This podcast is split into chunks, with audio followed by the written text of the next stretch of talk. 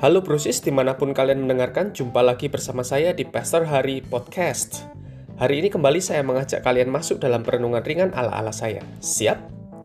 Bagaimana kabar kalian hari ini? Ini bagian terakhir dari trilogi Siapa Saya. Jika ada yang baru mendengar episode ini, kalian mungkin akan tertarik untuk memutar dua episode sebelumnya, karena sangat berkaitan satu sama lain dan episode ini akan sedikit lebih panjang. Jadi saya beritahu di depan ya, sedikit lebih panjang dari biasanya karena ini sangat penting sebagai penutup trilogi. Salah satu masa dalam hidup saya yang paling tidak terlupakan adalah saat saya ada di bangku sekolah dasar. Hmm, sungguh ini momen-momen peralihan yang tidak akan terlupakan. Perlu kalian ketahui sebenarnya, sekalipun saya anak sulung di keluarga, namun saya tidak terlalu mandiri awalnya. Seperti kebanyakan orang, kalau uh, jadi anak sulung biasanya ya. Ingat, ini dulu saya tidak terlalu mandiri. Nah, saya masih ingat saat uh, saya itu duduk di bangku TK, saya sangat cengeng dan hampir di awal-awal saya tidak mau ditinggal alias minta ditungguin kalau sekolah. Kalau nggak gitu saya akan nangis, ya. Tetapi begitu saya sudah duduk di bangku SD, mau tidak mau saya harus mandiri. Saya harus menerima kenyataan bahwa dunia itu keras. Ya, keren. Dari sudut pandang saya, ketika saya seumuran itu ya, dunia sudah keras ketika saya SD. Nah, suatu shifting alias perubahan terjadi. Saya belajar bagaimana harus survive. Saya belajar bagaimana menikmati setiap belokan dan tikungan tajam yang harus saya lalui, C, agar saya tidak terjatuh meskipun saya harus bermanuver tajam. Alhasil, nama saya mulai muncul di permukaan. Guru dan teman saya mulai melihat jungkir balik saya dan saya mulai dikenal di dunia per SD-an, bukan dunia persilatan.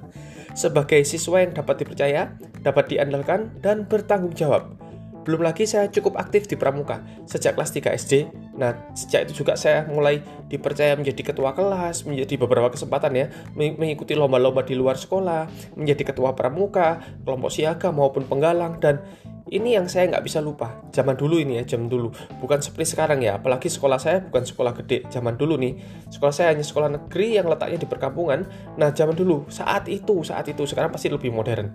Di ujung lorong ada satu, di ujung lorong sekolah, sekolah yang nggak gede sekali lagi ya. Jangan bayangin sekolah yang gede banget. Di ujung lorong itu ada speaker, speaker gede yang menyambungkan ruang guru dengan seisi lorong. Jadi kalau begitu ada pengumuman apa pun dari sana pasti semua kelas terdengar. Nah, nama saya sering muncul melalui speaker itu. Haryadi segera ke ruang guru atau Haryadi segera ke ruang kepala sekolah. Nama Haryadi cuma satu, nggak ada nama yang lainnya. E, nggak ada yang punya nama Haryadi waktu itu ya. Memang nama saya cukup unik ya. Nah, tahu nggak sih awal-awal nama saya muncul? Waduh, saya merasa malu banget. Kenapa? Kadang malah saya merasa takut. Kenapa? Karena biasalah dipanggil guru atau kepala sekolah itu konotasinya jelek. Saya semula berpikir, waduh apa salahku, ya kan? Ternyata ketika saya dipanggil, selalu ada sesuatu yang guru saya atau kepala sekolah saya minta untuk saya lakukan. Entah mengabari kelas lain tentang sesuatu, atau memberikan sesuatu seperti buku atau tugas ke kelas saya dan kelas-kelas lainnya. Sekalipun tuh kadang beda kelas, kadang ke, ke kelas senior, kelas di atas saya. Jadilah, uh, bagi saya, itu menjadi sebuah kebanggaan ketika nama saya disebut di speaker sekolah. Belum lagi suatu saat ketika saya uh, sudah cukup usia, yaitu ketika saya sudah kelas 5, saya dipercaya untuk pertama kalinya saya ingat itu menjadi pemimpin upacara. Uh, bangga sekaligus dak dikduk ya. Ini pengalaman baru. Tugas utama pemimpin upacara saat itu itu saya baru saat saat itu baru saya sadari, sebelumnya saya hanya sebagai peserta ya tidak terlalu memperhatikan. Baru saya pelajari langsung ada sebuah tugas utama pemimpin upacara, yaitu menjadi perantara antara pembina dan peserta. Pembina yang biasanya kepala sekolah atau guru senior selalu punya sesuatu untuk disampaikan setiap Senin pada para peserta upacara alias para murid.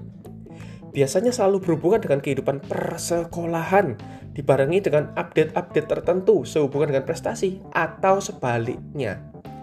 Nah, tugas saya sebagai pemimpin upacara mempersiapkan peserta upacara, memberi aba-aba barisan, dan saat pembina hadir di tempat, saya harus memimpin peserta untuk menyambut, memberi hormat, dan melaporkan pada pembina tentang kesiapan semuanya. Apa pun itu jawaban pembina itu yang saya ketika saya melaporkannya apa pun jawabannya, jawaban saya cuma satu secara umum, yaitu siap, lanjutkan. Nah, saya tidak bisa berbantah, saya nggak bisa bilang belum siap pak, nanti dulu pak, nggak bisa. Nah, nah Keren ini, ini keren ya. Jadi ketika ayat ini datang saya selalu ingat hal-hal yang seperti ini ya. Yeremia 1 ayat 5 ini ayat kita ya selama tiga hari terakhir. Begini bunyinya, sebelum aku membentuk engkau dalam rahim ibumu, aku telah mengenal engkau, dan sebelum engkau keluar dari kandungan, aku telah menguduskan engkau, aku telah menetapkan engkau menjadi nabi bagi bangsa-bangsa. Nah, kita sudah bahas bahwa Tuhan telah mempersiapkan kita dengan banyak detil dalam setiap kita, mengenali apa pun yang telah dia taruh dalam kita, potensi dan talenta apa pun, untuk apa? Untuk kita ditempatkan di mana pun kita berada saat ini, guna menunjang rencananya, panggilannya dalam setiap kita. Artinya di mana pun kita tempat ditempatkan teman-teman ya Brusis di mana pun kalian mendengarkan di mana pun kita ditempatkan kita harus paham untuk apa kita di sana. Ya, untuk menunjang rencananya yang telah ditetapkan sejak semula. Percaya nggak ayat itu dari tadi selalu mengatakan telah, telah dan telah bahkan sebelum kita menjalaninya. Artinya ini sudah sangat matang dipersiapkan oleh Tuhan. Sekarang, Brusis di mana kalian mendengarkan, apa sekarang yang harus kita pahami mengenai di mana kita ditempatkan sekarang? Di mana pun kita ditempatkan, kata Yeremia, Tuhan telah menetapkan kita menjadi nabi bagi bangsa-bangsa. Kata nabi di zaman Yeremia berbicara tentang seseorang yang dipakai Tuhan, menjadi kepanjangan tangan Tuhan, penyuara kehendaknya. Jika dianalogikan dengan masa SD saya, nabi adalah orang kepercayaan kepala sekolah.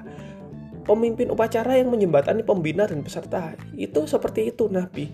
Tuhan ingin melihat kehidupan di dunia menjadi lebih baik. Tuhan ingin menyampaikan kebenaran bagi dunia.